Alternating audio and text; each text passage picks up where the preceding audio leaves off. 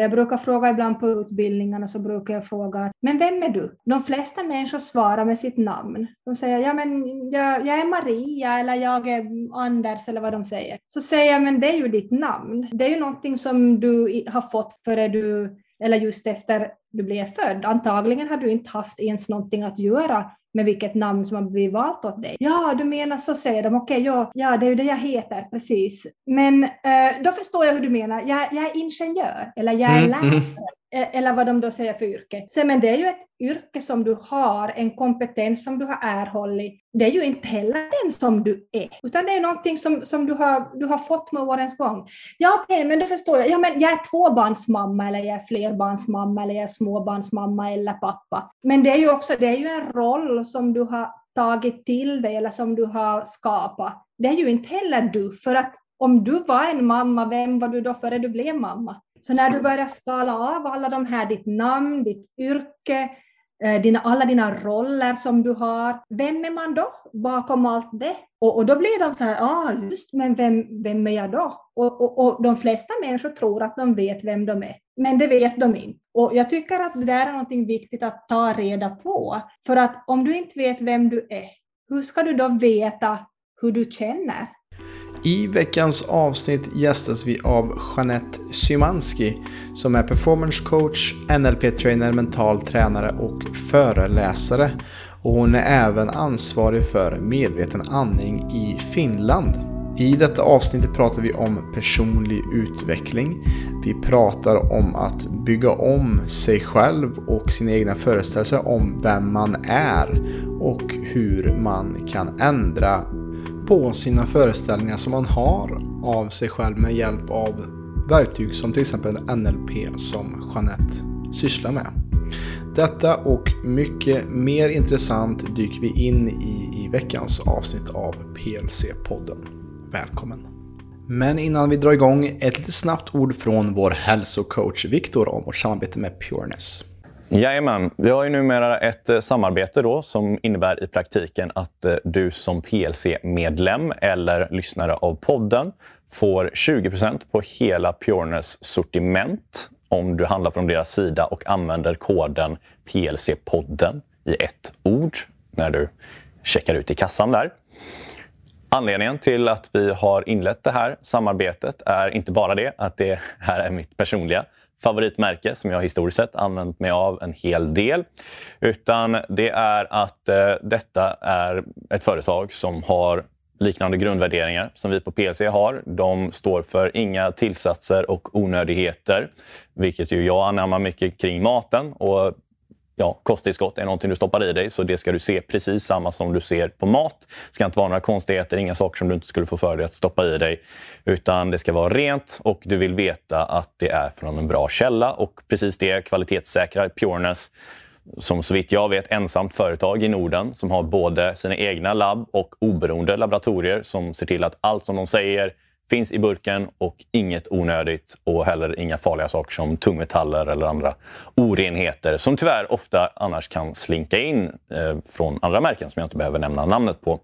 Men eh, numera har vi som sagt ett samarbete med detta härliga företag och eh, du som lyssnar återigen får 20% rabatt om du använder PLC-podden på pjornes.se.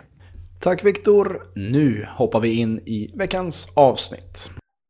Hej och välkommen till PLC-podden, podden som förändrar Sveriges syn på hälsa med mig Robin Hallsten.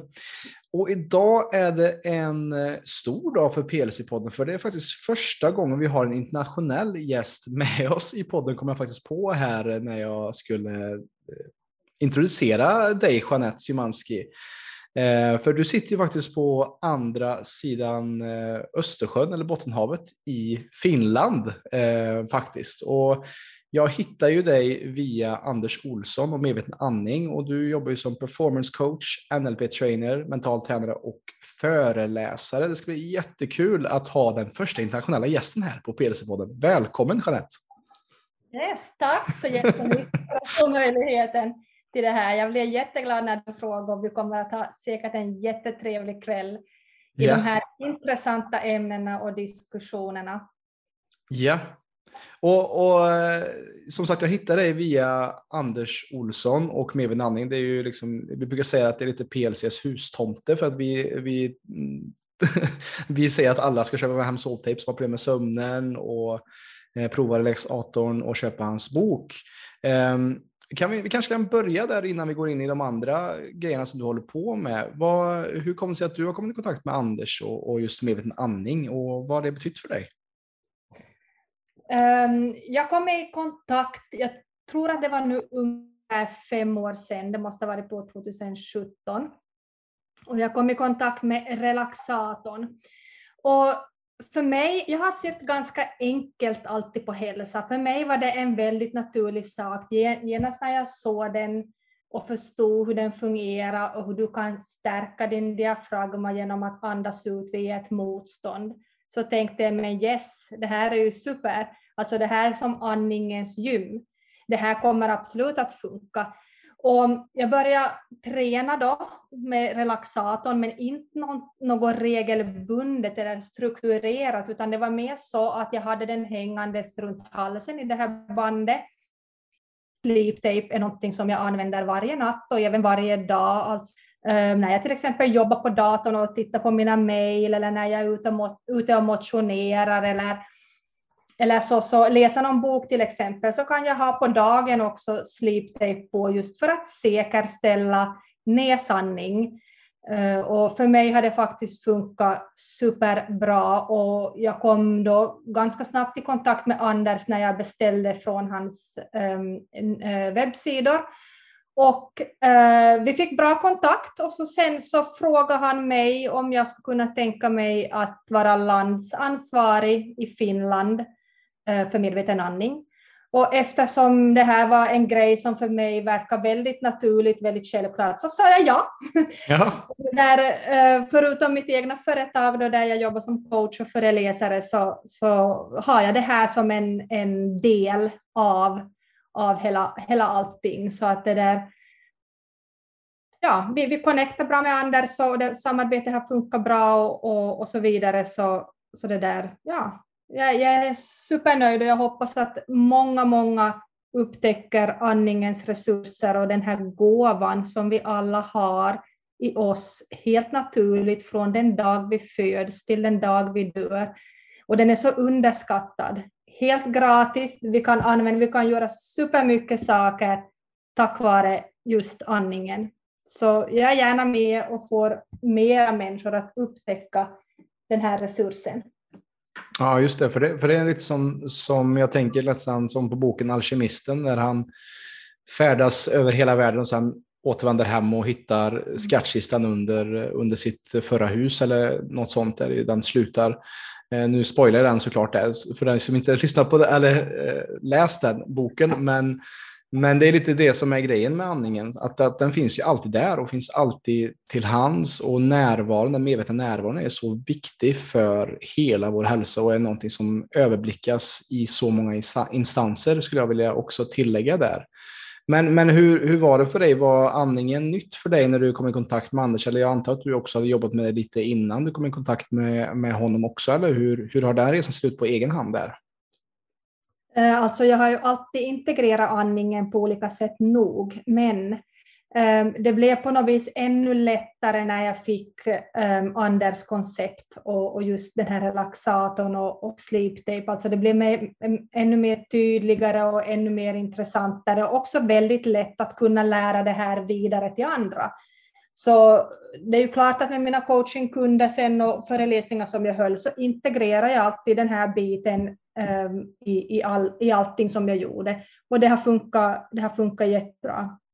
Mm, just det. Ja, och, det, och det, det är någonting som är så essentiellt i det som du gör också. Alltså jag, jag läste lite på din hemsida också att din passion egentligen tillhör ingen sport, utan det, det tillhör att få människor att uppnå sin fulla potential oavsett vad det är man håller på med, eller hur Jeanette?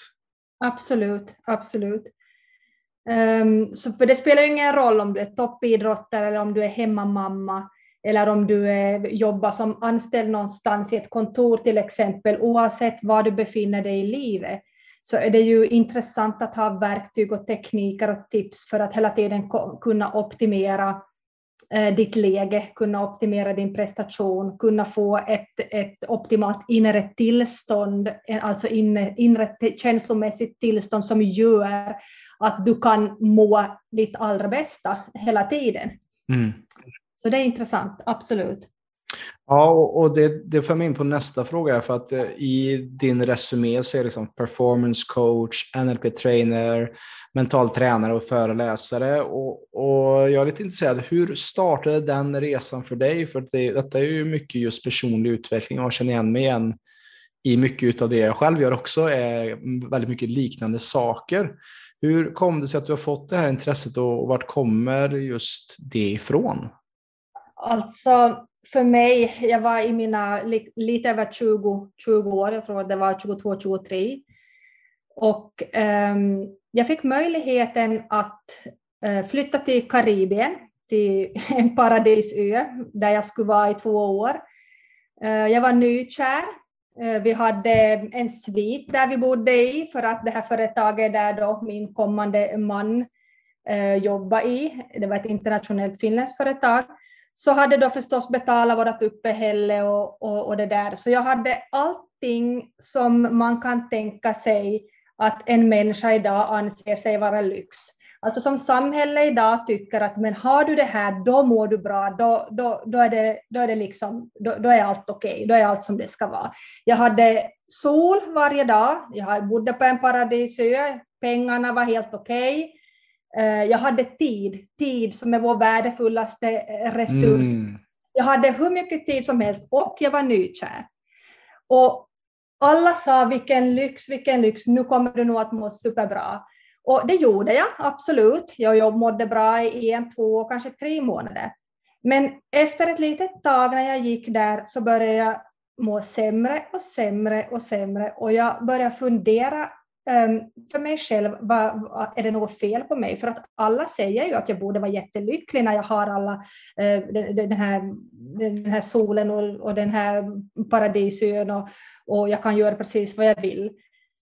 Och det var då som jag började fråga mig själv andra frågor. Och när jag började fråga mig själv andra frågor är det klart att jag fick andra svar. Mm. Därför att jag började märka att ingenting i min yttre omgivning, ingen yttre faktor kan ge mig en inre lycka.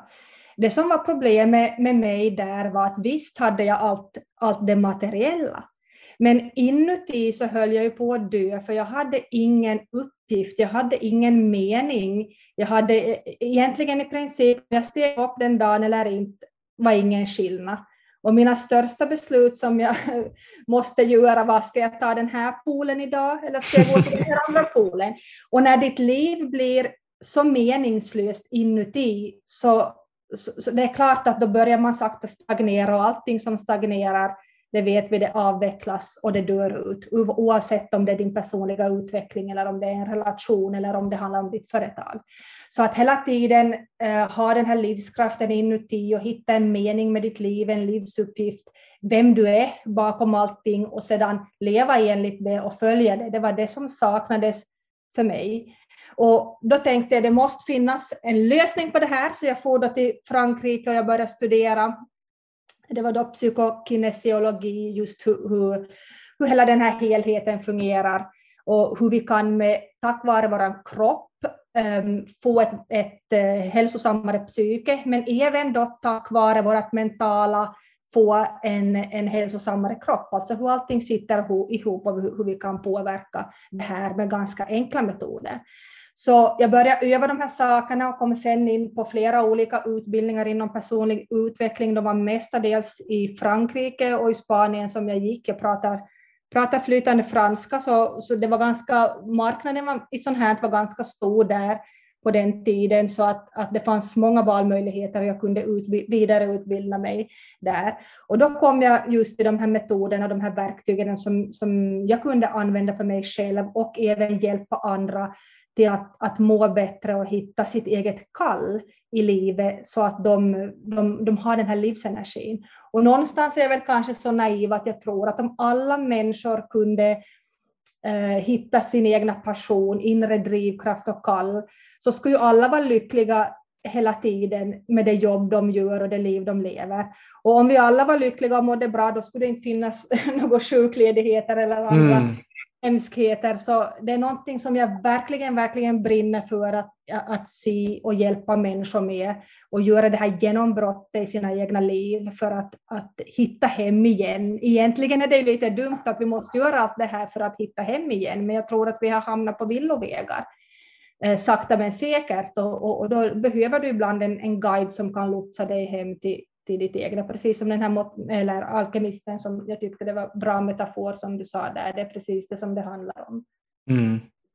Ja, och, och, jag kan känna mig mycket i det du säger också där och att, eh, att det ger syfte till livet att hjälpa andra på det sätt som du gör också. Att, att eh, jag brukar säga det till folk som frågar mig, vad tror du meningen med livet är? Jag brukar säga att det finns ingen mening med livet. Det är, det är vilken mening vi väljer att ge livet som är det viktiga eh, och varför vi tror att vi existerar. Eh, att hitta sin eget kall som du säger och jag kan nog hålla med dig också om att eh, om alla människor skulle hitta mer det som de verkligen passar in sitt powerplay så hade vi haft en helt annan värld där vi har haft människor som mått bättre och kanske inte haft lika mycket problem med eh, missbruk eller apati eller meningslöshet. Men samtidigt är det också kontrasterna som också skapar livet ju och gör livet mer intressant. Och där är jag också intresserad av, vad var det som skedde för dig där när du var i Karibien? Vad var det som pockade på? Var det liksom en eh, krypande ångest? Var det en känsla av apati eller vad var det som fick dig att röra på dig? För att många tycker också att typ ångest eller meningslöshet att det är jobbigt och det är det, men det är också samtidigt en katalysator för att ge oss iväg på hjältens resa eller, eller vad man nu vill kalla det på att leta upp ett nytt äventyr i livet och bestiga en ny topp i livet. Vad, vad var det som fick dig att ta det här klivet att äh, men nu drar jag till Frankrike och börjar plugga kinesiologi? Ja, det var alltså såklart det fanns en nyfikenhet och en hunger att ta reda på någonting mer. Finns det något mer i det här livet än bara att vara nykär och ha pengar och, och sol och en paradis och, och tid? Det måste finnas någonting annat. Det måste finnas någonting utöver det. Så det är klart att det fanns den här nyfikenheten som viskade till mig, vet du, du är här för någonting mer, vet du, den här mm. magkänslan eller det här intuition eller på något vis något sjätte sinne. Men före det hände så var det ju just en form av apati där jag liksom Um, jag, jag, jag, gick och hängde på något sätt. Alltså, vet du, jag, som, jag blev som förslöad. Alltså, mm. När jag inte har någon aktivitet och ingen mening eller syfte, som du sa, så, så jag började dö ut. Alltså jag började vissna. Och, och, det där, och tillräckligt länge av det tillståndet så gjorde att jag tänkte nej, det, här, det, här, det, det, här, det är inte det här som är livet, det är inte det här som det handlar om, det var inte därför jag kom hit att nu, nu måste jag hitta, hitta något annat. Och, och, jag fick också tag i en bok då i det här skedet om just psykokinesiologi och, och det där. Och den, jag blev som superintresserad och fascinerad av hur saker kan fungera på det här sättet, hur relativt lätt det var. Vi tror ofta att vi måste jobba väldigt hårt eller att det ska vara väldigt komplexa saker och tekniker som ska göra att vi börjar må bättre, men det kan vara en liten millimeters skift i ett nytt tankesätt eller en liten ny inramning eller en liten, eh, ett litet nytt perspektiv att se saker på och du börjar redan få igång en ändring. Så, så det, där, ja, det var nog där som, som resan började och, och sen liksom bara tog den fart och, och jag fortsatte då som sagt att utbilda mig också med, med det där i USA med Tony Robbins bland annat. Just det. Just det. Och det där tycker jag också är intressant, det där säger här eh, slut, slutvis här med, med det du sa här nu, att ibland så krävs det inte så mycket för att det ska göra väldigt stor skillnad. Att, att det räcker med till exempel att hitta andetaget. Mm. Eller eh, jag vet när vi haft klienter som har inte sovit alls på sina småbarnsår och så tipsar vi om sovtejpen och så har de blivit av med sin huvudvärk som de haft kroniskt i tre fyra år. Liksom. Att ibland så behövs inte så mycket, men vi är så indoktrinerade med att tro att more is more istället för att tänka att less is more och att tänka smart istället för att jobba hårt. Att vi som på PLC jobbar med mestadels kvinnor som har gått på ena bantningskuren efter den andra och verkligen tvingat sig till någonting som har varit väldigt obekvämt för kroppen för man tror att man har läst på löpsedeln att det här ska vara nya dieten eller det här ska vara det nya som man ska pröva. Eh, och att det har blivit liksom en, ett, ett tvång och att man gått emot sig själv istället för att hur kan jag jobba med kroppen? Hur kan jag, lite som med kampsport hur kan, eller judo, hur kan man jobba med kroppen och hur kan vi möta stötarna som kommer mot oss och dansa med livet istället för att vi är stela som kylskåp när vi ska dansa med livet. Eh, för det där är också väldigt intressant, just hur mycket lite kan göra också när det kommer till att eh, ja, men skifta mindset eller bara landa in och andas ett par andetag och Eh, se problemet från ett annat håll helt enkelt. Mm. Mm.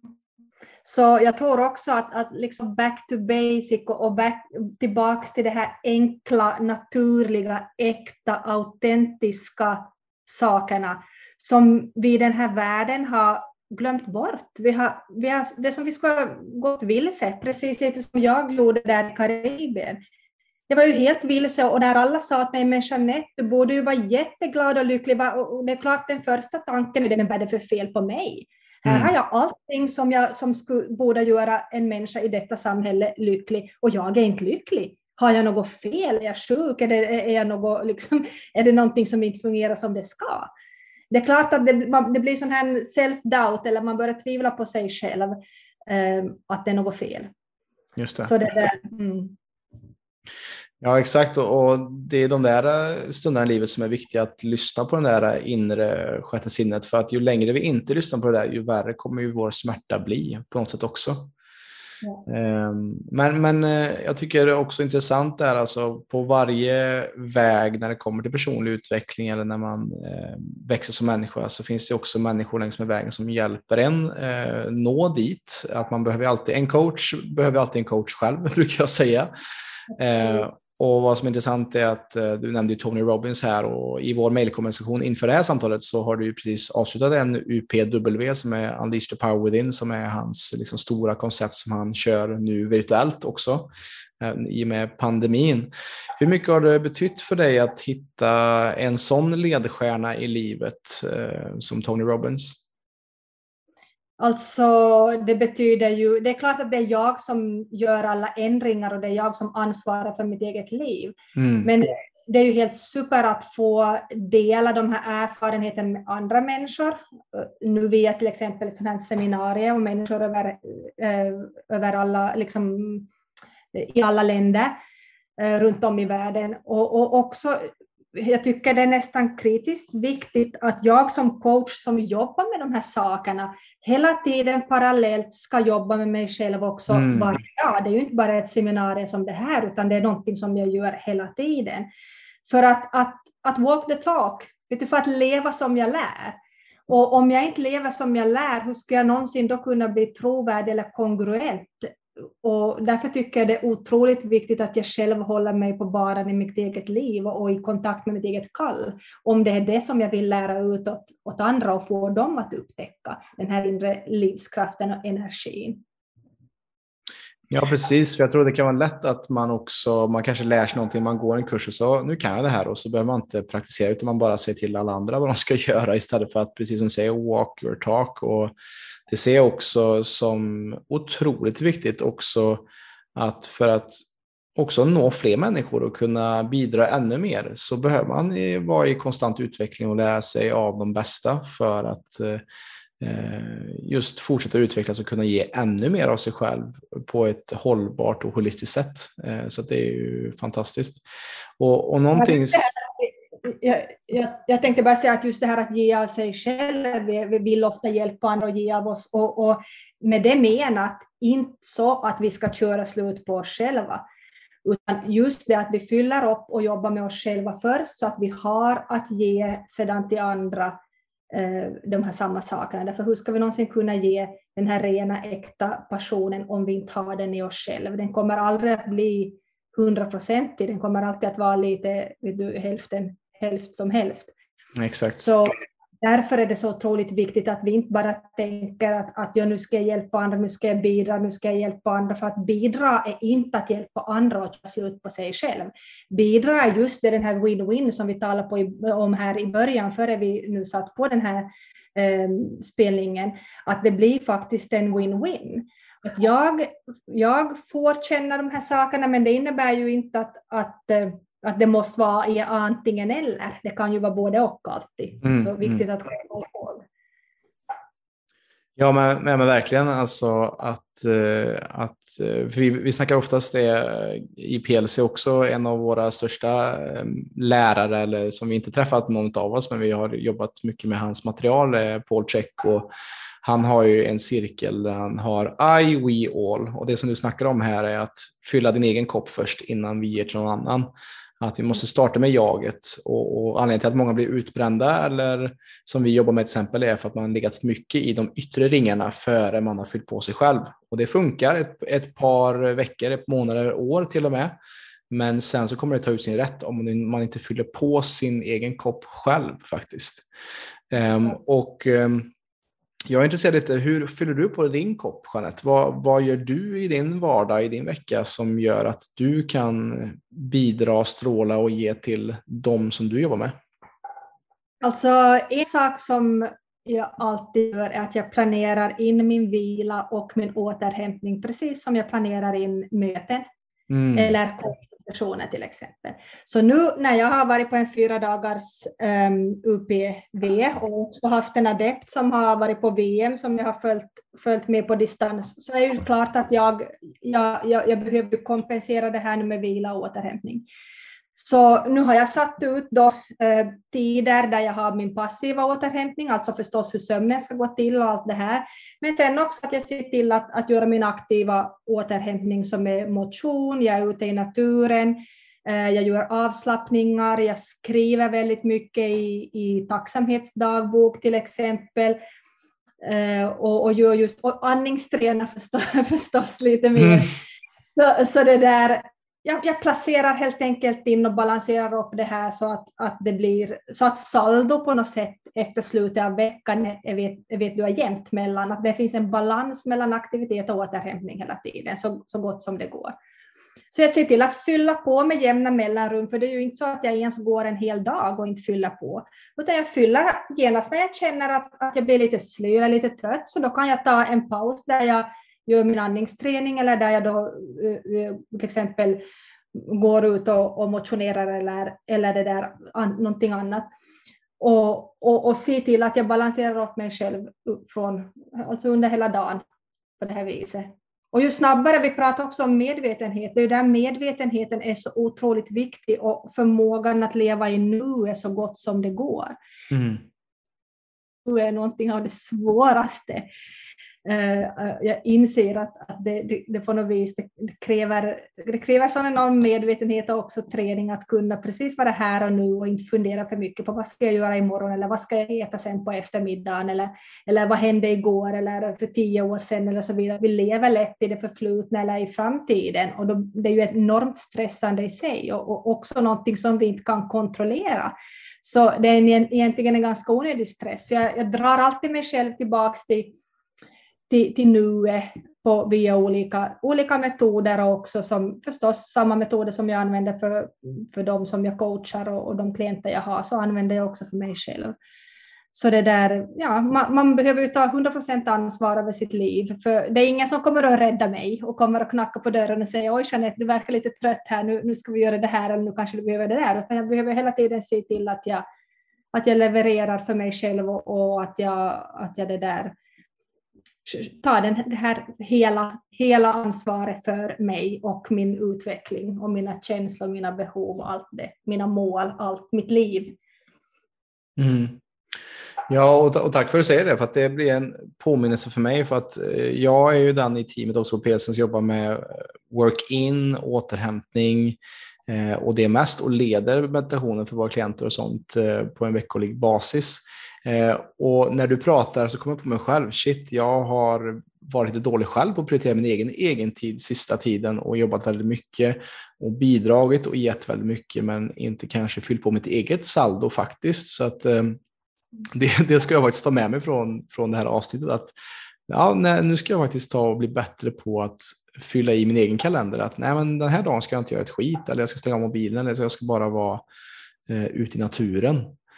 Så att, eh, tack för att du påminner mig att det, det, är viktigt just att göra det för, eh, det är lätt att glömma bort att man, ah, men nu har gjort det här ett tag, nu, nu kan jag detta, jag behöver inte öva på det. Men det är ju i varje dag och varje nu som vi blir testade och som vi behöver upprepa gång på gång. Och som du sa lite tidigare, att komma tillbaka till enkelheten, att hitta de här sakerna som alltid fungerar. Eh, och inte tro att man, om man inte täcker sin bas så, så kommer saker att äta upp en till slut också, helt enkelt. Mm. Det är jätteviktigt.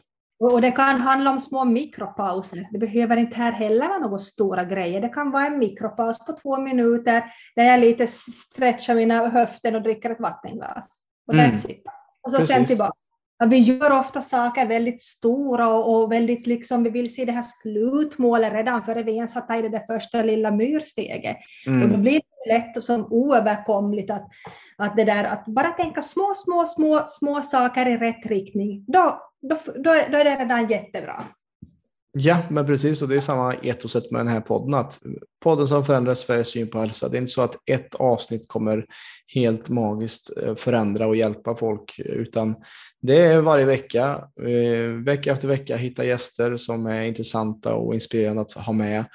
För att eh, slutligen nå en större och större massa. Och det är så med allt med Vår livsprojekt. Att ingenting som vi gör kortsiktigt kommer ha en långvarig effekt. Att vi måste verkligen vara beredda att offra tid, energi och, och, kraft om vi vill verkligen nå någonstans på riktigt i livet. Och det är så lätt i den tiden vi lever i med eh, sociala medier att man bara ser när det går bra för folk och man ser, inte, man ser bara toppen på isberget utav hur mycket hårt arbete faktiskt är. Och man bara, ja ah, men Jeanette hon har bara tur. Ja. Hon har bara tur som gör det hon gör. Ja, jag hade också kunnat fixa det där, men eh, jag har inte samma tur som Jeanette eller Robin. Mm. Men också inse att det är så mycket när vi ser folk som har tur eller framgångsrika så ser vi inte det här underliggande jobbet som vi behöver göra och då är det ju viktigt att man tar hand om sig själv på den resan. Mm. Helt enkelt. Men jag, jag tänker också, Jeanette, jag är intresserad. Jag vet ju vad NLP är, eh, Neurolinguistic Linguistic Programming, som Tony Robbins använder mycket, men jag vet inte så jättemycket om det faktiskt. Eh, så kan inte du både upplysa mig och de som lyssnar just nu vad NLP är eh, och hur man kan använda det för att just ja, ändra sitt tankesätt till exempel? Alltså om man tänker bara på vad NLP är förkortningen av så låter det ju väldigt komplicerat. Det är neurolingvistisk programmering. Och jag brukar alltid säga så att egentligen det spelar, vad spelar det för roll vilken bokstavskombination är viktigast att se om det funkar eller inte. Ja, just det. Och, och, det finns ju många, det finns EFT och KBT och, och ACT, det finns ju många olika saker som helst. Men funkar det eller funkar det inte? Och, och det där, NLP är en metod som är väldigt konkret och enkel och um, väldigt användbar i, i, i, i, så gott som alla områden, alltså i, i hälsa, i försäljning, i marknadsföring, i idrott, teamarbete, relationer. Och det som gjorde att jag fastnade så mycket för just den här metoden, det var också i Frankrike som jag började på um, med de här nu. Och det där, ja, det var genast, för jag märkte att ja, men det här är någonting som funkar. Jag får att testa genast när jag hade lärt mig någonting, så testade jag det. Uh, det kunde vara med, med, med den här Eh, en person i reception till exempel på hotellet. Om jag hade lärt mig någonting på förmiddagen eller under dagen så får jag genast att testa de här sakerna och se hur jag kunde applicera dem i verkliga livet. Och inte bara på mig själv men på andra, andra också. Jag märkt att det här funkar. Men riktigt enkelt sagt så är det ju egentligen hur vi tänker, eh, hur vi känner, hur vi handlar och hur vi beter oss. Mm. Så det där, många gånger har vi till exempel en tanke som är negativ, vilket gör att det är klart att då kommer vi att känna en negativ känsla. När vi har en tanke som är negativ, en bild till exempel, eller en inre dialog som oj vad jag är trött idag, eller oj jag är så värdelös, eller alla andra är bättre än mig. Det är klart att om vi har en sån inre dialog, som oftast ju pågår automatiskt, vi talar ju inte lika mycket med någon annan person som vi talar med oss själva. Mm. Och ofta så börjar det på morgonen, kanske hålla på hela dagen utan att vi vet om det. Och så sen på natten kanske vi också talar och vi vet inte ens allt hur destruktivt och negativa saker vi säger åt oss själva. Och, och, och det där hur mycket vi jämför oss och liksom nedvärderar oss själva och höjer upp andra och så vidare. Och, och till sist det är klart att man börjar må dåligt eller börjar känna sig, känna, känna, få dålig självkänsla eller känna sig svag. Och när du känner dig så, då är det klart din energi är låg. Och när allt det där är så där, det är klart att då kommer du också att handla, du kommer att göra eh, saker på en mycket lägre nivå än vad du någonsin skulle kunna göra annars. Och hur man kan bryta de här mönstren och få svängt den här spiralen. För det är klart att om du vaknar upp en morgon och tänker yes, idag är jag pigg, jag vet att jag har mycket att göra, men jag kommer att ta en sak i taget och vara fokuserad hela tiden. Då har du en positiv, konstruktiv dialog. Och när du säger det åt dig själv så kanske du kan titta på en bild som för dig är stärkande. Det kan vara en bild när du är på stranden eller när du har varit tillsammans med dina vänner eller när du har lyckats på ett möte till exempel eller vad som helst. Nå, om du säger en positiv sak åt dig själv och ser en positiv bild, bara de två sakerna som tar kanske tre sekunder, Högst troligen kommer du att stiga upp ur sängen på ett annat sätt. Högst troligen kommer du att andas på ett annat sätt. Högst troligen kommer du att gå på ett annat sätt. Du kanske till och med tar på dig andra skor eh, när du går ut. Och då får du, kan du också ganska lätt få dina handlingar styrda och ändrade till något mer konstruktivt och positivt och uppbyggande istället för, för, för att göra det här destruktiva självsabotage som vi många är ganska duktiga på. Ja. Och som jag också gjorde i Karibien. Det var ju precis det jag gjorde. Är det något fel på mig, men jag är väl konstig? Jag, men, jag kanske har något fel på min kropp, men är jag, är jag ens frisk? Men att, vet du, det är klart det. Och ganska snabbt så blev man ju sån, man blev sån som jag trodde att jag var. Yes. Alltså som Tony Robbins brukar säga nu, att det finns ingenting som är så starkt till vad du kopplar ihop jag är med. Att om man säger jag är lat, eller jag är dålig, eller jag är värdelös, eller vad det nu kan vara, så då kommer vi att, att sträva till att se att vi uppnår det här. Så undermedvetet, högst troligen, så kommer vi att, att eh, börja bete oss på det sättet, som att vi inte kan eller att vi är sämre eller vad det nu än kan vara. Så, så det där det kan gå ganska snabbt, har jag ju märkt själv när jag gick mm. där i Karibien. Många dagar behövde jag för jag var ännu mera nere.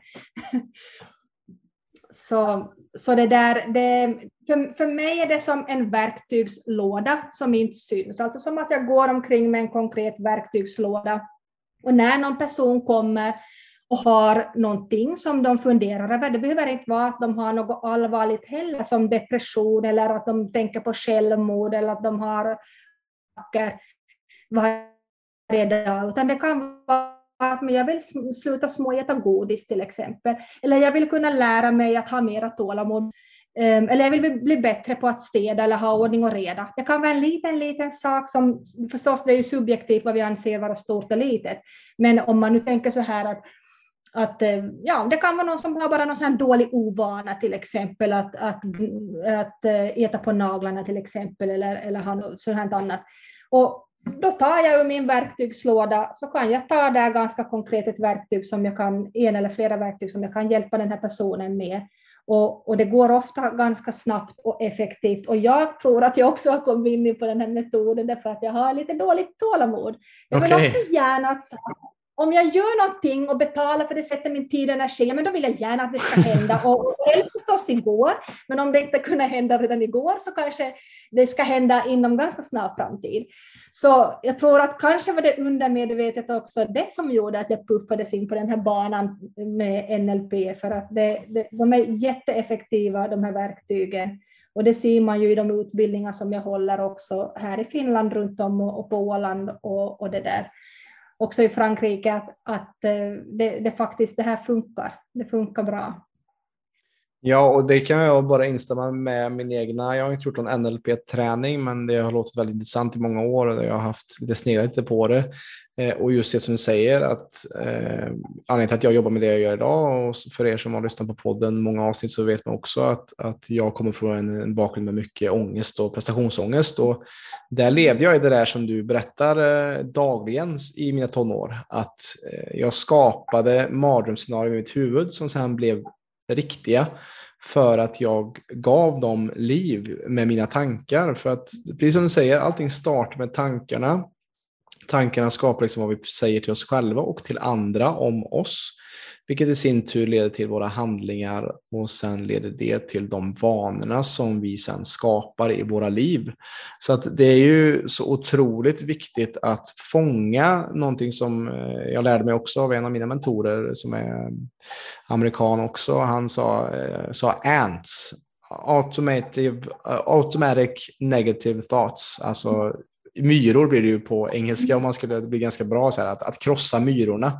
Uh, crush the ants som man har, alla de här automatiska negativa tankarna. För vi har ju otroligt många tankar, jag tror det är ungefär 60 000 tankar brukar man säga, uh, och att de flesta är av negativ natur. Så kan man bara välja att skifta ett par tankar varje dag och sen bygga vidare på det, precis som med andetaget, att vi börjar ett andetag i taget. Så kan man komma en ganska stor och lång väg på um, kortare tid än vad man tror, men också på sikt då, att man bygger sakta om sin självbild. Och precis som du sa där också, så fort man sätter någonting efter jag är, så ser jag också som att det är inte vem du är egentligen. Det är, när du säger att jag är lat eller jag är så här, så är det också eh, oftast att man tänker på det här är den jag har varit. Man ser vem jag är i en lins, lins av att jag har varit den här personen och därför är jag det jag är nu, men jag är är ju i nutid. Så att vi kan alltid välja vem vi vill vara och sträva efter att bli och det är väl det som är också en del av NLP tänker jag, att, det, att den här strävan att bygga om och programmera om sig själv också, att vi är som smarta datorer också som vi kan programmera om. Absolut. Och, och, just det här att, att ehm, det där hör jag väldigt ofta människor som säger, ja men jag är diabetiker eller jag är överviktig eller jag, jag är allergiker. Och när du, har, när du har kopplat ihop de här så innebär det ju att du har kopplat ihop det med din identitet. Så tänk vad destruktivt eller vad svårt att få det här ändrat om du verkligen går omkring och tror att det är det du är. Om du istället skulle rama in eller åtminstone säga åt dig själv, ja men jag har en sjukdom som heter diabetes, eller jag har den här eller allergin för det här och det här, till mm. exempel. Eller just nu så har jag så här många kilo för mycket, det är en mm. helt annan sak än att säga jag är överviktig, för det är som att du skulle vara dömd i hela ditt liv till att måste vara så här och du kan, aldrig, du kan inte göra någonting för att ändra det, vilket är, falskt. Just det. Du kan göra någonting för att ändra det. Och, och just rama in, rama in saker i nya situationer. Att ingen, ingen, alltså ingen situation i sig har ju en mening så länge tills du själv ger saken en mening. Mm. Och om du då sen till exempel tycker att ja, men jag är överviktig, så här har jag alltid varit, så här har min mamma, mamma varit, det här är liksom min lott för livet. Så då kommer du att uppfatta helt säkert situationer där alla andra kanske är väldigt, eh, ser väldigt eh, smala och friska ut till exempel, så kommer du att nedvärdera dig själv, vilket inte heller är sant. Det finns ju både sådana som, som är överviktiga och inte. Det finns ju en samling av alla möjliga olika människor. Men du kommer att se just precis det som passar in i din destruktiva världsbild och valid, själv validera det här och då har du den här negativa spiralen som går på och ytterligare förstärker du det här till din egna identitet vilket gör att det blir mycket svårare att slippa bort från det sen när, när du behöver. Om du, istället för att säga att men just nu har jag en depression. Exakt. Eller jag mår lite dåligt eller jag känner mig nedstämd den här veckan till exempel. Mm. För då har du kopplat den här saken till till, till någonting som är mycket mer ytligt, till ett beteende. Inte, du har inte identifierat dig med den här saken eller med den här prestationen, utan, utan du, har, du, har som sär, du har gjort dem skilt. Och, och, och då, då är det, det, är en viktig sak att också kunna göra. Jag brukar fråga ibland på utbildningarna, så brukar jag fråga, jag frågar åt någon person, men vem är du? De flesta människor svarar med sitt namn. De säger, ja men jag, jag är Maria eller jag är Anders eller vad de säger. Så säger jag, men det är ju ditt namn. Det är ju någonting som du har fått före du, före du eller just efter du blev född. Antagligen har du inte haft ens någonting att göra med vilket namn som har blivit valt åt dig.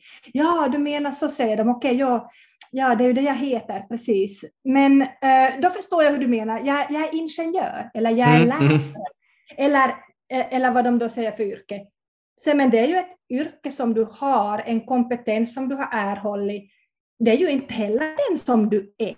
Utan det är någonting som, som du, har, du har fått med årens gång. Ja, okej, okay, men det förstår jag. Ja, men jag är tvåbarnsmamma, eller jag är flerbarnsmamma, eller jag är småbarnsmamma eller pappa. Men det är ju också det är ju en roll som du har tagit till dig eller som du har skapat. Det är ju inte heller du, för att om du var en mamma, vem var du då före du blev mamma? Mm. Så när du börjar skala av alla de här, ditt namn, ditt yrke, eh, dina, alla dina roller som du har, vem är man då bakom allt det? Och, och då blir de så här, ah, just men vem, vem är jag då? Och, och, och de flesta människor tror att de vet vem de är. Men det vet de inte. Och jag tycker att det där är något viktigt att ta reda på. För att om du inte vet vem du är, hur ska du då veta hur du känner? Mm. Eller vad du behöver? Om, om jag frågar åt en person så, hur du känner, hur känner du nu till exempel? de flesta svarar också där, de, de svarar det som, alltså de har intellektualiserat den där känslan. De, de tänker vad de skulle borde känna, men inte vad de känner. Alltså om du ska känna efter vad du känner så måste du känna, du måste ner i kroppen. Men hur skulle du kunna veta om den här känslan är rätt som du säger om du inte vet vem du är? Så därför är det så viktigt att, att titta på det här, vem, vem du är bakom, in, bakom de här kulisserna och bakom de här fasaderna och också våga gå dit för att upptäcka den, den, här, den här ditt rätta eller autentiska du. För att då blir det mycket lättare att veta, att ta beslut, att veta vad du ska göra i en viss situation eller, eller så. Det blir, allting tycker jag blir lättare när man hittar den där kärnan.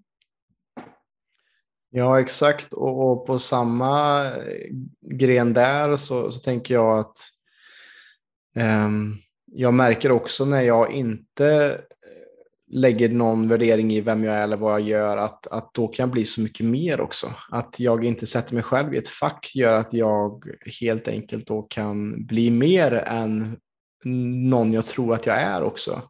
Och sen vill jag också bara komma tillbaka lite till vad du pratade om där också med att eh, man, när man fäster det vid en identitet eller en ytlig sak som är kanske en del av vårt liv just nu, men att det inte behöver vara oss, men det är också intressant hur vår hjärna funkar också, för alla har vi säkert varit med om, för de som har körkort, man har köpt en ny bil. Så när du väl har köpt din bil så, så registrerar din hjärna som den här bilen är viktig. Det här, liksom, den här modellen, den här färgen är viktig.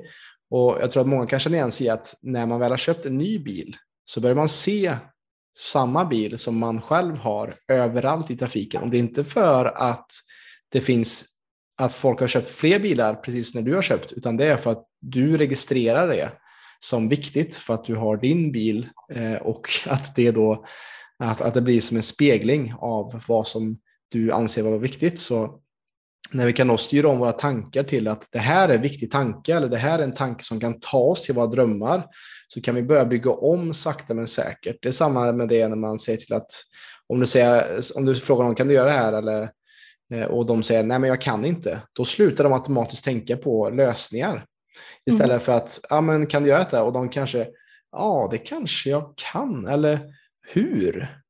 Då helt plötsligt skapas en helt annan del i hjärnan som börjar liksom tänka mer kreativt och lösningsorienterat än att nej men jag kan inte för att jag är den här eller den här. Eller, ja men hur skulle det vara möjligt då? Hur skulle jag kunna uppnå detta om jag ändrar mina tankar eller vad skulle jag kunna göra annorlunda? Vi avbryter podcasten för ett snabbt ord från PLCs grundare Jonas. Hej allihopa! Jonas här. Då jag vet att många i samhället upplever utmaningar kring sin hälsa men inte riktigt fått hjälpen de behöver så har jag lagt upp ett kostnadsfritt webbinar för dig som inte är medlem. I detta webbinar kommer jag prata om vanliga grundorsaker bakom konstant trötthet, låg energi, sömnsvårigheter, magbesvär och värk. Och du kommer även få mer info om hur vi på PLC jobbar för att åtgärda detta. Du hittar mer info om webbinariet i beskrivningen till detta avsnittet. Men med det sagt så tackar jag för mig. Tillbaka till dig Robin. Tack Jonas. Vad tänker du om det? Ja, det, alltså, mycket handlar ju om vad vi fokuserar på. För det, mm. det vi fokuserar på det växer ju. Mm. Och det vet. Precis som du berättade om den här bilen eller om man funderar själv på att bli gravid till exempel. Så mitt i allt så ser man en massa stora magar och barnvagnar. ja. och, och, och det, där, det är ju inte att det har blivit mer barnvagnar i den här världen utan det är bara att ens eget fokus har ändrat. Och på samma sätt så kan du använda det där för att må bra att skifta ditt fokus för och kolla just på allt det vad du har och allt det vad som funkar i ditt liv, för att då kommer du också direkt i kontakt med tacksamhet. Men lite som vi diskuterade här tidigare, det är så ofta som man fokuserar på det som man inte har, eller det som man inte har fått, eller det som, det som någon inte gjorde för en. Att vi är, som, vi är färdigt liksom negativt wired på något sätt. Och det är klart att när vi går den vägen då det inte så, tar det inte så länge före vi kommer till en dead end. Mm. Men som sagt, vi kan, när som helst kan vi byta spår. Vi är, vi är, aldrig offer för våra omständigheter, vi är aldrig offer för vårt förflutna. Vi kan ändra när vi vill, precis när vi vill. Ja. Men, men det är det som kan vara så svårt också när man har fast, fast identitet vid någonting som är så starkt för en själv. Liksom, att att det utmanar hela ens världsbild och vem man är och vem är jag utan den här diagnosen eller det jag säger eller tror att jag är. Att det, det blir som en snuttefilt som hindrar oss från att kanske nå vår fulla potential som du jobbar så mycket med. Eh, och det tycker jag också är intressant för att jag vet att Tony Robbins han jobbar ju mycket med att just change your state, alltså mm. att, att just dans eller hoppa runt och hoppa på studsmatta för att liksom få igång flödet i kroppen. Hur gör du för att byta om du är liksom i en funk, alltså om du är i en dålig state of mind? Vad, vad gör du själv för att eh, skifta fokus och komma in i mer, mer positiva tankar? Du nämnde till exempel tacksamhetsjournal och sånt, men vad, vad gör du mer fysiskt för att kanske komma in i mer positiva vibbar? Alltså, där kan du ha vissa ankare förstås, vissa, vissa gester eller bilder som du tar till som aktiverar en viss känsla inuti dig. Men du kan ju också göra så att du bara boxar upp mot taket tio gånger. Det är hundra procent att du kommer att känna dig mer energisk och pigg än om du inte gör det. Mm. Så det behöver inte vara några komplicerade saker där heller. Det kan vara en dance move eller lite box eller, eller någonting sånt som gör att, att, att du får upp din energi. Och då är det klart att sen efter så kan du tänka just att, att om, om man, är lite, man har lite oro i kroppen eller man är nervös eller man är rädd till exempel. Om du byter ut rädsla mot tacksamhet så kommer de här att neutralisera varandra omedelbart. För du kan inte vara jätterädd och jättetacksam på samma gång. Det går mm. inte. Och därmed kan du neutralisera det här just med att fokusera på allt vad som funkar i ditt liv just nu och, och, allt vad som, som är bra. Och där behöver du också kanske bara några saker för att, för att få det här fokus, för att hjälpa dig själv att skifta ditt fokus. Men sen har vi ju också andningen, är ju superbra. Använda sig av power breathing eller just att, att förlänga sin utandning. Vi vet att andningen Eh, med tre till fyra andetag vetenskapligt bevisat så kan vi sänka vårt stresstillstånd. Så det är någonting som jag absolut använder mig av. Och så sen just den här kroppshållningen. Det behöver alltså inte vara att jag alltid hoppar omkring. Men bara det att jag retar på ryggen, alltså jag har axlarna ner, hakan lite upp, min blick rakt fram. Istället för att sjunka in, krypa ihop, andningen blir liten, ögonrörelserna börjar gå ner, bli nedåtgående så att jag kommer i kontakt med mina känslor. Det är väl inte så konstigt om jag därtill till exempel sitter och scrollar tala på telefon, på sociala medier Mm. och börja jämföra mig med någon annan. Jag har en kroppshållning som är ihopsjunken som berättar att jag är svag och dålig. Och sen har, mina, har jag mina ögonrörelser som går neråt, jag är i kontakt med mina känslor och därefter så börjar jag jämföra med andra och nedvärde- nedvärdera mig själv. Det är inte så konstigt att det tar några minuter så mår jag helt säkert dåligt. Så att, att göra det, men motsatt, alltså rak i ryggen, hakan upp, axlarna ner, eh, kanske tala lite snabbare om jag känner mig slö eller om jag är stressad så kan jag börja prata lite långsammare för att ge sådana signaler till min biokemi att hej, saker är okej. Det, här, det här funkar bra, det, det, det, går, det går bra. Mm. Så att använda just rö rösten, eh, röst och rytm tillsammans med, med kroppens, eh, alltså det här kinestetiska kroppsgester eller kroppshållning. Jag kan stå en power pose till exempel framför spegeln i 30 sekunder och det är också bevisat att vi, då, då kommer vi också in till ett annat tillstånd. Så det där, just andningen, kroppshållning och ankare och så som, som det där, det är de här effektivaste tycker jag, Mm. eh, som kan hjälpa mig att få ett inre tillstånd. Och jag använder det jättemycket med idrottare också, speciellt de här nu eh, chaufförerna inom motorsport som behöver komma i state på kanske 30 sekunder. Då ska det ske snabbt. De måste komma in i sin flow omedelbart för att kunna prestera och där är det till och med farligt om de inte kommer in i det. Just det. Så där behöver, och, och förutsättningen för att jag ska kunna hjälpa någon att komma in i flow på 30 sekunder eller en minut är ju att jag själv lyckas ha den före. Så det här måste gå kvickt och det är alltid en sekundfight nästan eh, när de ringer och ska in på sträckorna. För jag är oftast den sista personen som talar med dem före de ska, före de ska in på, Mhm. på sin sträcka. Så det, där, så det gäller att, att ha det som eh, conditioned. Nu, nu vet jag att man, har det, man är tränad till att omedelbart komma in i det här mindsetet, det här tillståndet, Ja. det här flow. Ja, för precis som man kan gå in i negativa tankar eh, och att det blir automatiskt kan man också gå in i positiva tankar också. Och det är intressant att säga det här med ankare för att han har säkert glömt bort det själv, men det var så jag började komma över min ångest, prestationsångest eh, från att stå på fotbollsplan till exempel när jag var 15. Det var just att jag mediterade och hade en målbild av att jag skulle vara självsäker och eh, klara allt som kom mot mig och att jag skulle inte vara nervös. Eh, Och då startade jag alltid varje meditation med att knyta min högra näve Mm. eh, och sen släppa på en lång utandning. Och det gjorde att jag gjorde det så pass många gånger i meditation att jag kunde, behövde inte gå in i 20 minuter lång meditation inför matcherna när jag var som mest nervös. Men när jag knöp min näve så visste min kropp, aha, nu är det dags att slappna av här. När man är som mest stressad eller ångestfylld eller nervös. Eh, och att skapa sådana saker där man kan just koppla kroppens rörelser till någonting som han har kopplat till någonting som är lugnt och skönt och behagligt för kroppen gör ju att det blir lättare att genomföra. Och på samma sätt då att, att bli herre över sin egen kropp och herre över sitt eget öde på samma gång egentligen är ju det exakt det man gör när man ankrar fast någonting eller när man medvetet med tanken eh, skapar eller framar om någonting, att man har en annan ram för det. Eh, det ser jag också till exempel när jag gör mina kallbad på vintrarna i, i, i svak, att genom att andas långsamt och, och långa utandningar så kan jag vara i iskallt vatten i flera minuter för att jag tar kontroll över min egen tanke och min kropp istället för att gripas av panik och eh, få hypotermi. Liksom. Ja, du, har ju hållit på med NLP länge då, om du började när du var 15. Det är, ju- du är en specialist. Det är precis Ja. det det handlar om. Du, du, kan det. det. du kan det redan.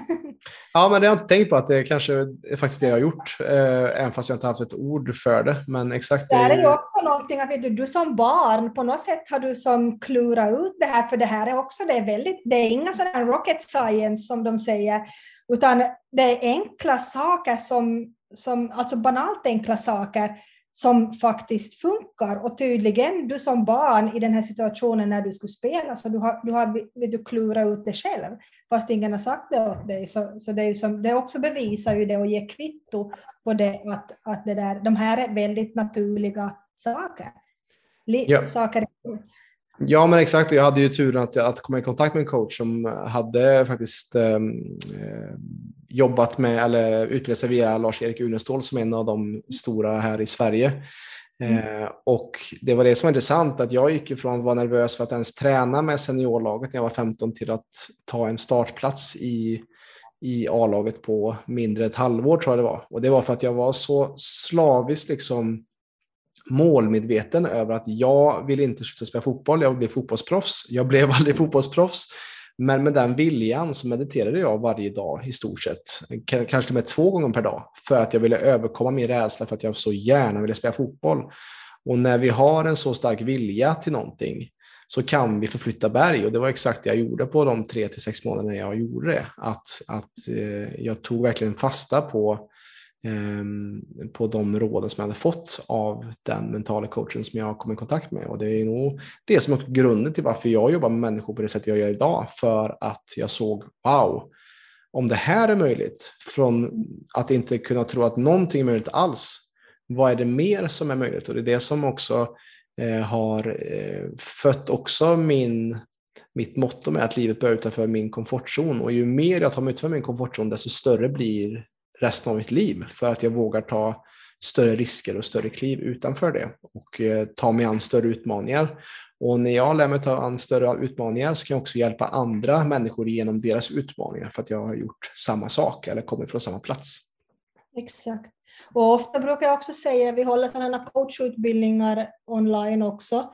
Och den här, just den här, om man har varit med om något jobbigt i sitt liv, till exempel man har haft eh, ångest eller depression eller man har haft eh, cancer eller vad som helst, man har varit igenom en skilsmässa eller man har förlorat ett barn, vad än det må vara.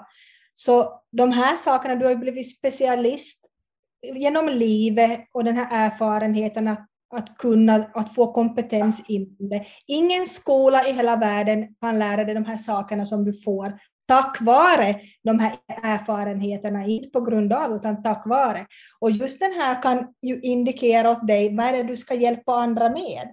Mm. Vad är det du ska jobba med? Så det här svåra vi människor har varit med, de här utmaningarna vi har haft, livet presenterar utmaningar till oss allihopa, det är helt säkert, det är ingen som kommer undan det. Och just vilka har de här värsta utmaningarna varit, de kanske är nycklarna till ditt eget liv. Det är kanske just där du ska söka, för det är där som, som du kan ha som bäst kunskap att, att kunna hjälpa andra med samma sak. Så det är ofta blir den där indikatorn till, till var, var, vad ska du hålla på med, vad ska du syssla med, vad är din grej? Ja, precis. För att, att, när vi får, eh, som för mig var det sånt djupt sår jag fick eh, själv kring detta och det är det som också har fött den här nyfikenheten. Okej, okay, hur kan jag bli bättre? Hur kan jag utvecklas eh, trots detta? Eh, och det finns ju så många bra uttryck. Jag vet inte vad man säger på eh, svenska, men eh, man kan säga turn your pain into your passion eller every wound is a womb. Alltså att varje sår är som en livmoder för någonting större. Mm. Eh, och en av mina favoritarketyper är också intresserad av lite astrologi också. Det finns en arketyp som heter Chiron som är den sårade lä läkaren som in, i mytologin då själv blev eh, sårad eh, och försökte hitta läkemedel till sitt sår. Men han, till slut lyckades han, men på vägen så hittade han ju andra modaliteter och andra saker att läka som hjälpte andra, men inte honom själv. Eh, och jag tror att det är just där vi kan hitta vår livs livsenergi och vårt syfte. Det är så jag har hittat min syfte med PS till exempel. Mm. Att, att mitt egna sår har blivit en passion där jag inser att shit, det här som jag har gått igenom kan lära eh, mig att ta mig igenom och på så sätt också kan skapa en struktur, en mall, en form där jag också kan skapa för andra. Men så här gjorde jag. Det var de här mm. meditationerna jag gjorde. Det var så här jag tänkte, det är så här jag åt, det är så här jag sov, det är så här jag andas. Och på så sätt då kan man hjälpa andra genom deras svårigheter eh, och att varje sår då får en mening. Eh, som vi också snackade om, alltså att meningen är det vi tillför, tillskriver meningen. Att ingenting har en mening förutom det som vi väljer. Och precis som med NLP också kan man ju välja att framea det som hände mot en. Att det hände för min evolutionära utveckling. Eller att nej men det var det värsta som hände och det förstörde mitt liv för evigt. Alltså, det finns ju två olika sätt man kan välja att se saker på eh, och välja att utgå från två olika håll i våra liv då, kring det. Och jag tror som till exempel med idrottare så börjar jag ganska ofta, eller egentligen med, med alla, att jobba just med det, hur vi hanterar misslyckanden um, i eller motgångar i livet. För att det här kan man också se som ett gym, att när jag är i den här jobbiga situationen just nu, det är då som jag får de här mentala och känslomässiga musklerna. Det är ingen som skulle komma på som är nu seriös eller tar personligt ansvar att gå till gymmet och lyfta vikter och så sen lyfter man två gånger och så, så står man och pratar med någon eller gör något annat, utan man, man, man lyfter ju tills det tar lite sjukt. Och det är just när det tar ont då som du blir starkare. Och samma så är det ju med det där mentala, att det, det är just precis när vi är som längst ner som vi får verktygen för livet. Mm. Och de är otroligt värdefulla och där kan vi också tänka så att om vi har en situation som är jobbig i vårt liv just nu, om vi använder inramningen, ser vi den här situationen som ett problem? Eller ser vi den här situationen som en utmaning? Eller ser vi den här situationen som en gåva? Just För beroende på hur du ser den här situationen eller vad du ramar in den så kommer du att hantera den på ett helt annat sätt.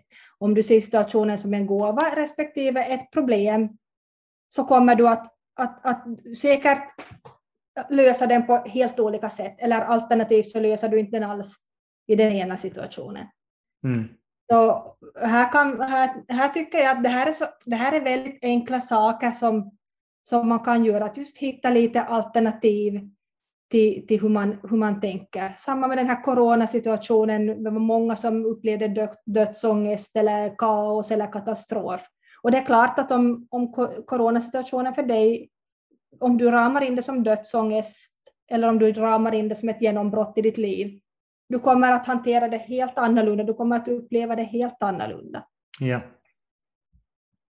Precis, det var, det var alltså, jag har själv ett, ett litet motto som jag har, en, en gammal Navy Seal, eh, silare som heter Jocko Willink som har skrivit en bok som heter Extreme Ownership och han snackar om att när det kommer motgång, oavsett vad det är, säger han bara bra.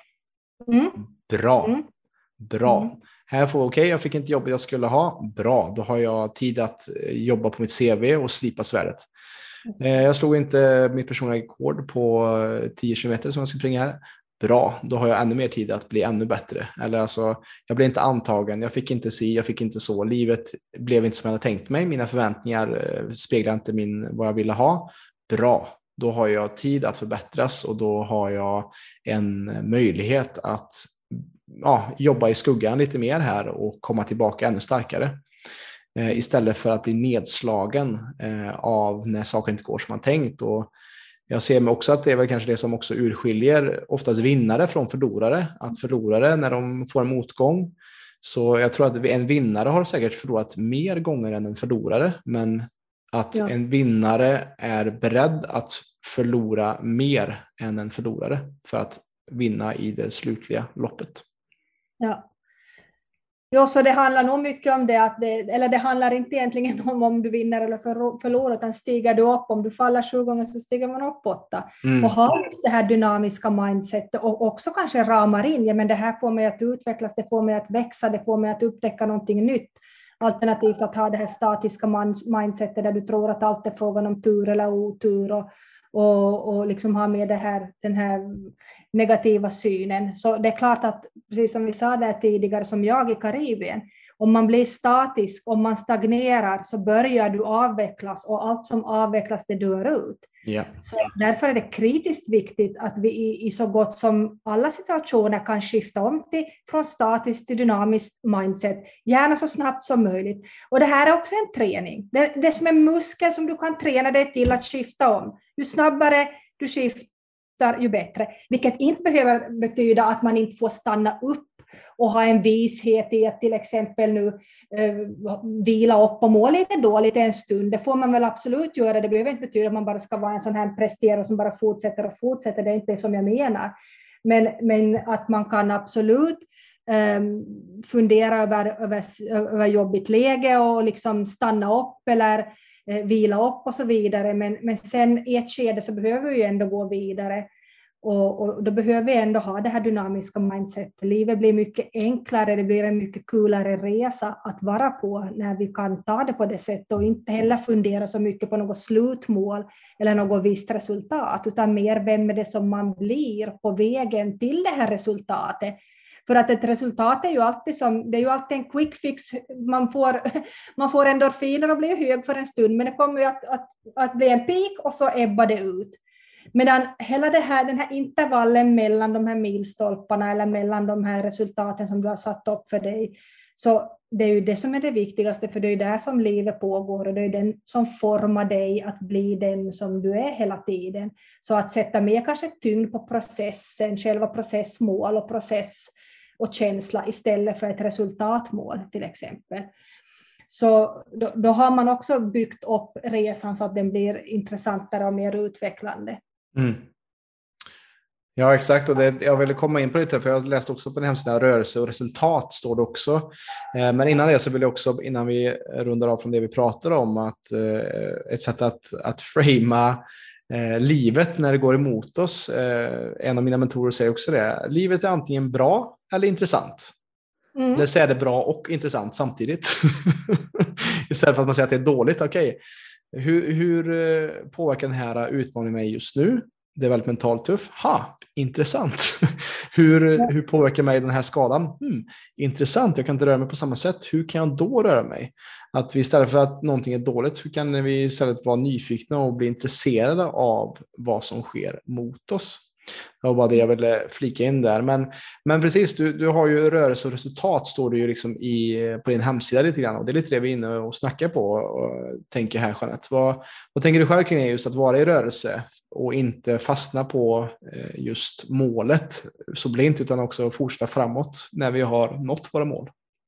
Jag tror att hela livet handlar om utveckling och att komma framåt. Ehm, så det, där, det behöver finnas den här, den här rörelsen och, och, förändringar, förändringar är någonting som, som är en del av livet. Det är inte någonting som vi bara befinner oss i ibland, utan förändringar är ju alltid automatiskt. Det är lika bra att gilla läget där också, för du kommer inte undan förändringar. Det är lika bra att acceptera att livet är, och vi människor är hela tiden föränderliga. Och du kan antingen gå med i den här flowen eller streta mot den. Och stretar du mot den, okej, okay, visst det går också för en stund, men du kommer helt säkert att, att trötta ut dig.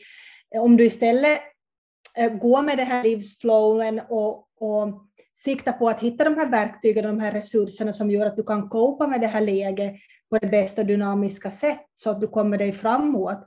Så ja, jag, tycker att det är kritiskt viktigt för allt som inte kommer framåt, det, det, det står ju stilla eller, mm. eller går bakåt. Så att, det beror på vad man vill då i, i livet, men jag, jag tror att Alltså från första början när vi föds, så vi börjar skrika, vi börjar krypa, vi börjar eh, gå, vi äter med sked etc. Alltså hela livet visar ju på att vi, vi människor vi är här för att utvecklas. Så så det där, eh, ja, jag tänker så att lika bra att dyka in i det här då, vad utveckling handlar om, istället för att streta emot. Och, och det där upp, vara, vara mer sån här upp, upptäcka och vara nyfiken att, att ja, okej. Okay. Och, även, och det är klart, det är ju lätt att må bra när allting går bra i ens liv. Det är ingen konst att må bra då, när allting går som man vill. Konsten är ju just det att må bra när du är en utmaning eller att just, just kunna tänka dynamiskt när, det, när du har en svacka eller när det är svårt eller när någon har sagt nej åt dig eller du har fått någon motgång, vad än det må vara. Det är ju då som utmaningen är att ändå kunna må bra eller se dynamiskt på, på den där situationen. Och det är också en träning, det går att träna sig till det eh, också. Ja, exakt. Precis, och att, att, skapa automatiska handlingar kring när det inte går som man tänkt. Att eh, ta fram verktygslådan då istället för att eh, lägga mm. sig platt på rygg till exempel. Mm. Och där är jag också intresserad för att det, Jeanette, det låter som att du har ju gjort mycket i livet och överkommit mycket saker.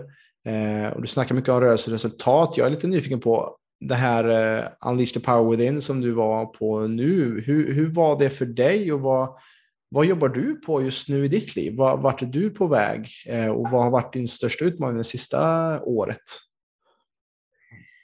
Eh, min utmaning det här sista året har varit tidshantering. Alltså jag har, som, jag har ganska lätt låtit mig sjunka in i saker som jag inte ska göra. Alltså en dålig förmåga att prioritera, att veta vad är prioritet, vad är prio ett, vad är två. Och att, kunna styra där, för det är ju inte så att, att vi alla människor har lika mycket tid, 24 timmar i dygnet. Och det handlar om det, hur vi, hur vi hanterar den här tiden och, och, hur vi kan ta kontroll över den. Och där tycker jag att jag har varit ganska slapp och lös, att, att jag är inte nöjd över mig själv. Jag borde göra en förbättring här, till exempel sätta in rutiner och just som jag själv föreläser också, att göra disciplinen till min bästa vän, att man faktiskt har ha den där strukturen där jag brukar använda mycket som den här Pomodore-metoden, att, mm. att man jobbar helt fullt ut i 25 minuter, sen tar fem minuters paus och så jobbar man igen 25 minuter och så tar fem minuters paus. Att man gör då så många intervaller som, som, jag, som jag klarar av. Jag har, har alltid klock, klockan att ringa då sen när jag ska ta paus. Men det kan vara att jag till exempel tycker att nu ska jag städa förrådet, till exempel om jag är på semester eller har en, en ledig dag. Och för att inte bli distraherad, ja, men då ser jag till att jag gör det i 25 minuter, sätter klockan och så sen tar jag den här pausen och så går jag in på nytt ända tills det då är färdigt. Så, så det där, tid har varit, tid har varit min, min utmaning här, fast egentligen är det ju lite konstigt det också. Det kan ju vara att, att jag egentligen har blivit bättre på tidshantering om jag skulle se för fem år tillbaka, för det här är ju också bra att, att kritisera oss själva och se allt som inte funkar, men om jag verkligen skulle dra den där tidslinjen och kolla var jag var för fem år sedan, så kanske jag egentligen är mycket bättre idag i alla fall, fast jag upplever mig då som, som det där, som lite svagare.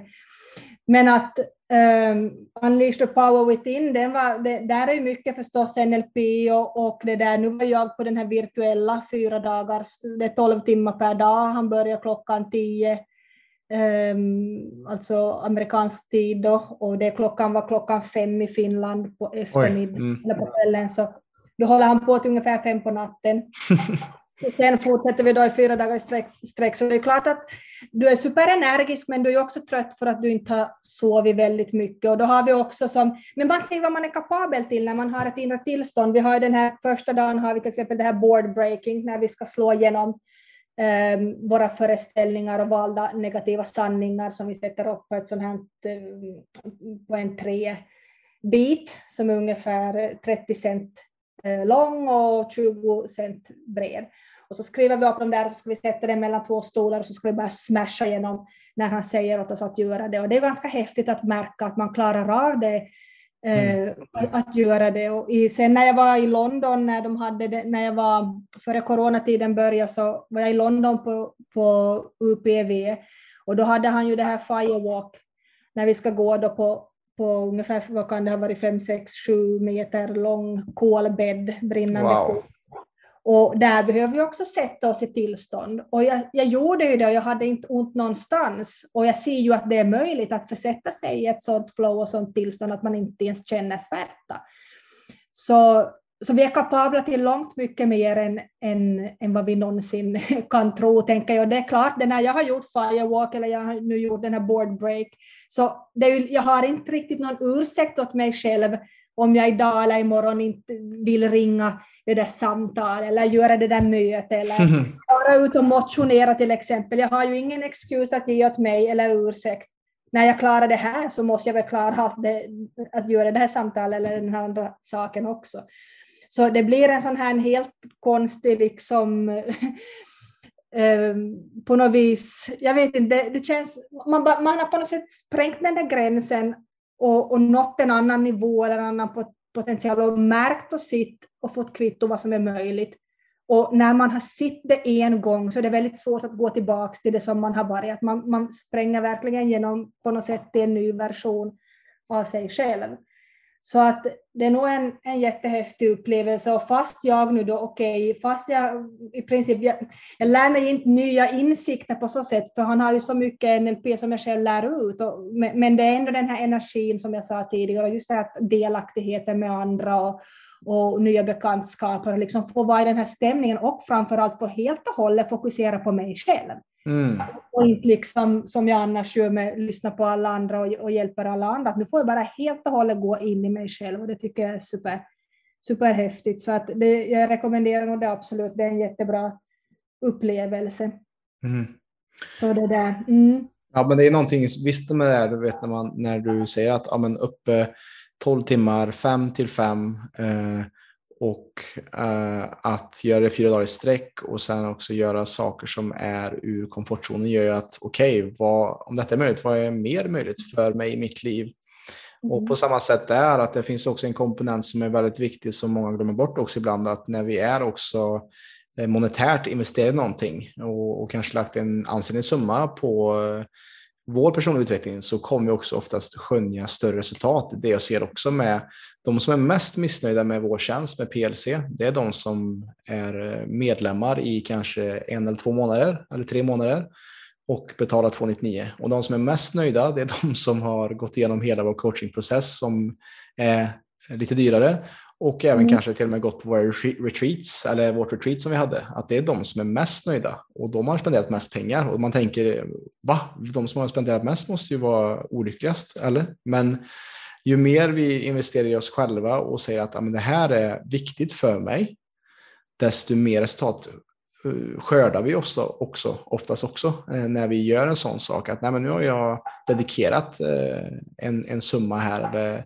en tid. Alltså för att pengar kan också vara tid. Alltså jag har jobbat så här många timmar för att jag ska kunna göra detta.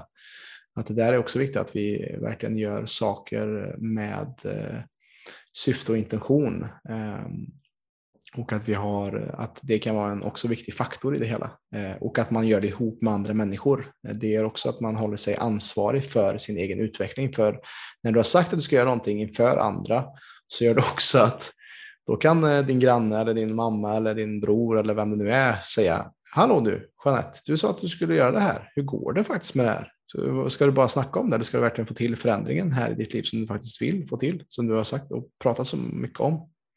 Mm. Så det är så otroligt viktigt det där. Men det är intressant det här också med, med pris och betalning, att hur vi tenderar att värdesätta sånt som vi får gratis mindre. Ja, exakt. Att precis som att det skulle ha någon skillnad egentligen eh, vad själva priset är, men vi fungerar ju som människor att om vi har hamnat sätta mycket pengar i någonting så då blir det, då, då, liksom, då ger vi också mer av oss själva. Mm. Och det där, eller om man tänker att om, om jag skulle, ibland tänker jag så här att om jag skulle få välja att om jag skulle vinna på Lotto en miljon euro nu till exempel, eller en miljon dollar, eh, tio, vad är det i kronor, tio miljoner kronor. Mm, mm.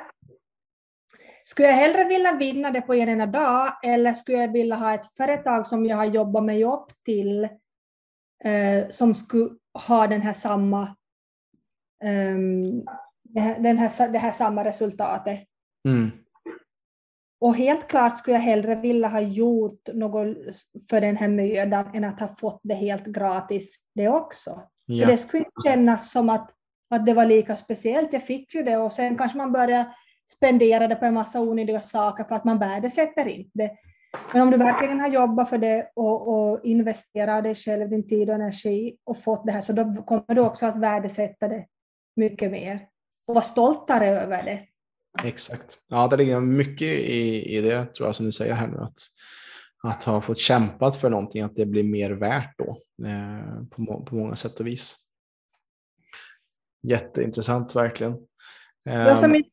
time management behöver jag göra först och främst för det börjar gå dåligt. Jag håller på att skriva en bok som mm. just handlar om mycket det här som vi pratar om och hur man kan liksom hitta tillbaka till sig eller ta reda på vem man är. Men den ger också många konkreta verktyg till för hur du kan förändra ditt mindset.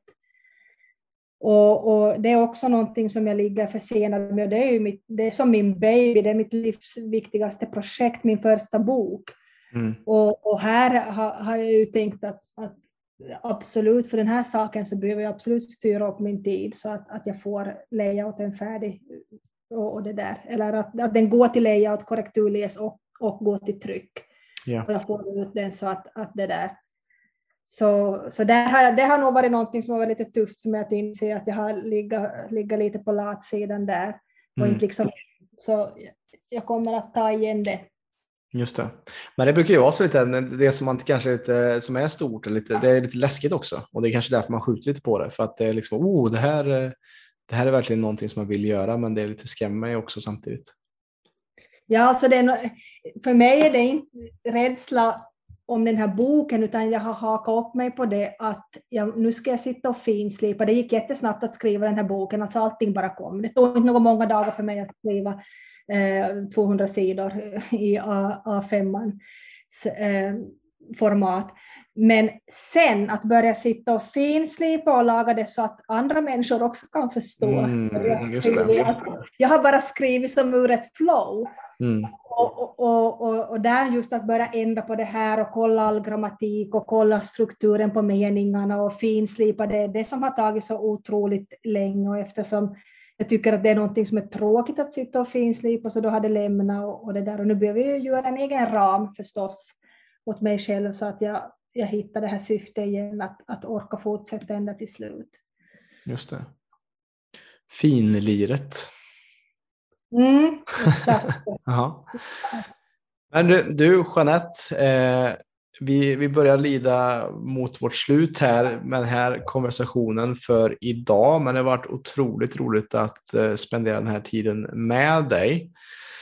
Är det, är det någonting som har dykt upp nu som ni har pratat om den här situationen som du känner att men det här vill jag dela? Är det någonting sista som du skulle vilja eh, dela med dig av till de som lyssnar som har hängt med oss hela den här resan ihop?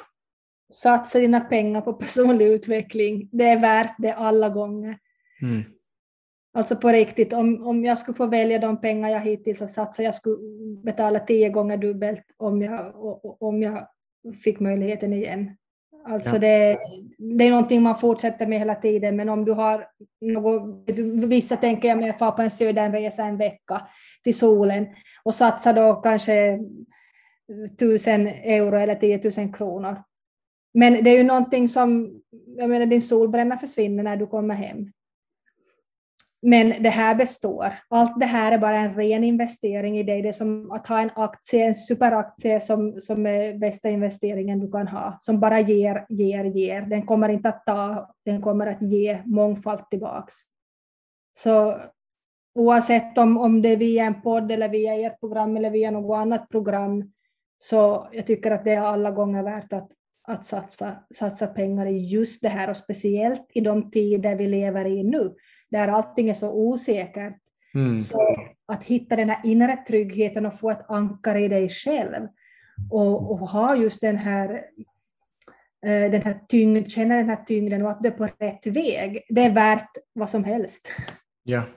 Mm. Jag kan bara instämma och jag ser bara hur mitt liv växer och växer ju mer. Jag har lagt, jag vet inte hur många hundratusen kronor nu på min egna just utbildning och sånt. Jag ser att jag, det skapar också, du vet, all erfarenhet skapar också ett självförtroende och en inre resurs att veta att jag är anpassningsbar och jag har lärt mig tekniker och jag har saker jag kan bidra med som många andra inte har för att man kanske har lagt sina pengar någon annanstans eller man har slösat lite mera med det på andra håll och kanter eller mer på materiella ting.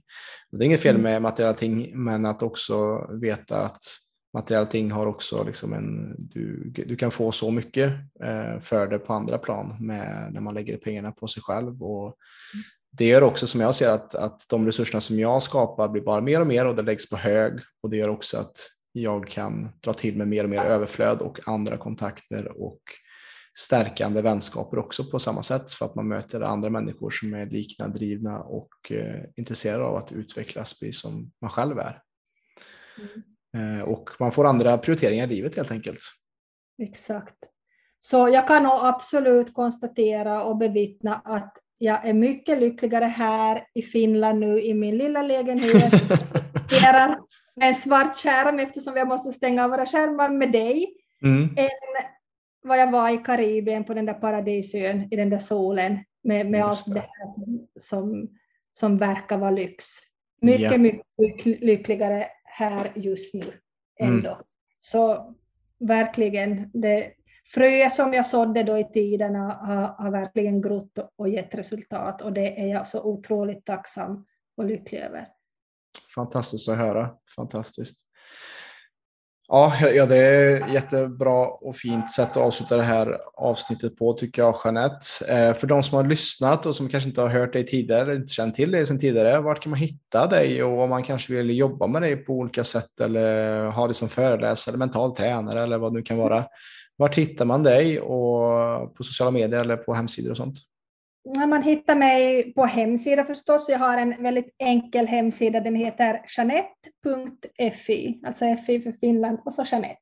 Och så sen så, så, det där, så finns jag förstås på Instagram och LinkedIn och, och alla de här sociala medierna, Facebook och så vidare. Så absolut att välkommen att följa och ta kontakt eh, via mail eller telefon eller bara via ett meddelande på sociala medier. Och, och jag lovar att göra allt vad jag kan för att hjälpa någon som vill må lite bättre eller, eller någon som vill må jättemycket bättre. Det finns lösningar, det finns verktyg och de är lätta att få. Så ta kontakt eh, med mig eller någon annan om du, om du inte mår riktigt bra idag. Det finns faktiskt hjälp att få väldigt nära. Grymt. Ja, och det, efter jag pratat med dig den, den här en och en halv timmen så förstår jag att det finns mycket att lära sig av, av dig eh, med den kunskapen som du besitter. Eh, och med det sagt Jeanette så rundar vi av här för idag och för dig som lyssnar som tycker att det här har varit intressant och, och väldigt nyttigt att höra just eh, vad vårt samtal kretsar mycket kring mental träning och personlig utveckling Eh, och kanske vill inspirera någon annan som du känner till att tänka lite annorlunda kring hur man kan tänka kring tankesätt eller att bryta negativa tankebanor och så vidare. För all del, dela med dig av detta avsnittet så att vi med stadig takt kan förändra Sveriges syn på hälsa. Tack för idag och tack för att du har varit med här idag Jeanette och samskapat detta ihop. Hoppas vi ses på andningskonferens med Anders eh, på, ja. i september där vi kommer vara samarbetspartners. Det är säkert. Vi får, jag, jag får komma och rycka dig i ärmen. Jajamän, det hoppas jag. Tala, tala in person. Tack till dig också jättemycket och tack för att, att du är du och tack för att du gör det här som du gör och, och bidrar till alla människor som får lyssna till din fantastiska podd och, förhoppningsvis ge många, många insikter och, och, nya tankar till de som, som lyssnar. Så tack du också för att jag fick vara med och tack för att du, du och ni gör det som ni gör i er podd och på PLC. Stort tack för att du har lyssnat på detta avsnitt av PLC-podden. Om du som lyssnare är intresserad av att få bättre balans på din kropp och hälsa så kan du gå in på www.plclub.se.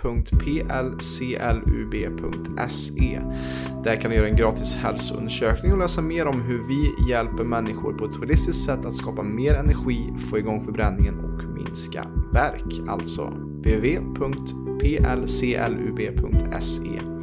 Vi finns även på Instagram, YouTube, Spotify och Facebook at Premium Lifestyle Club om du vill ta del av mer gratis material.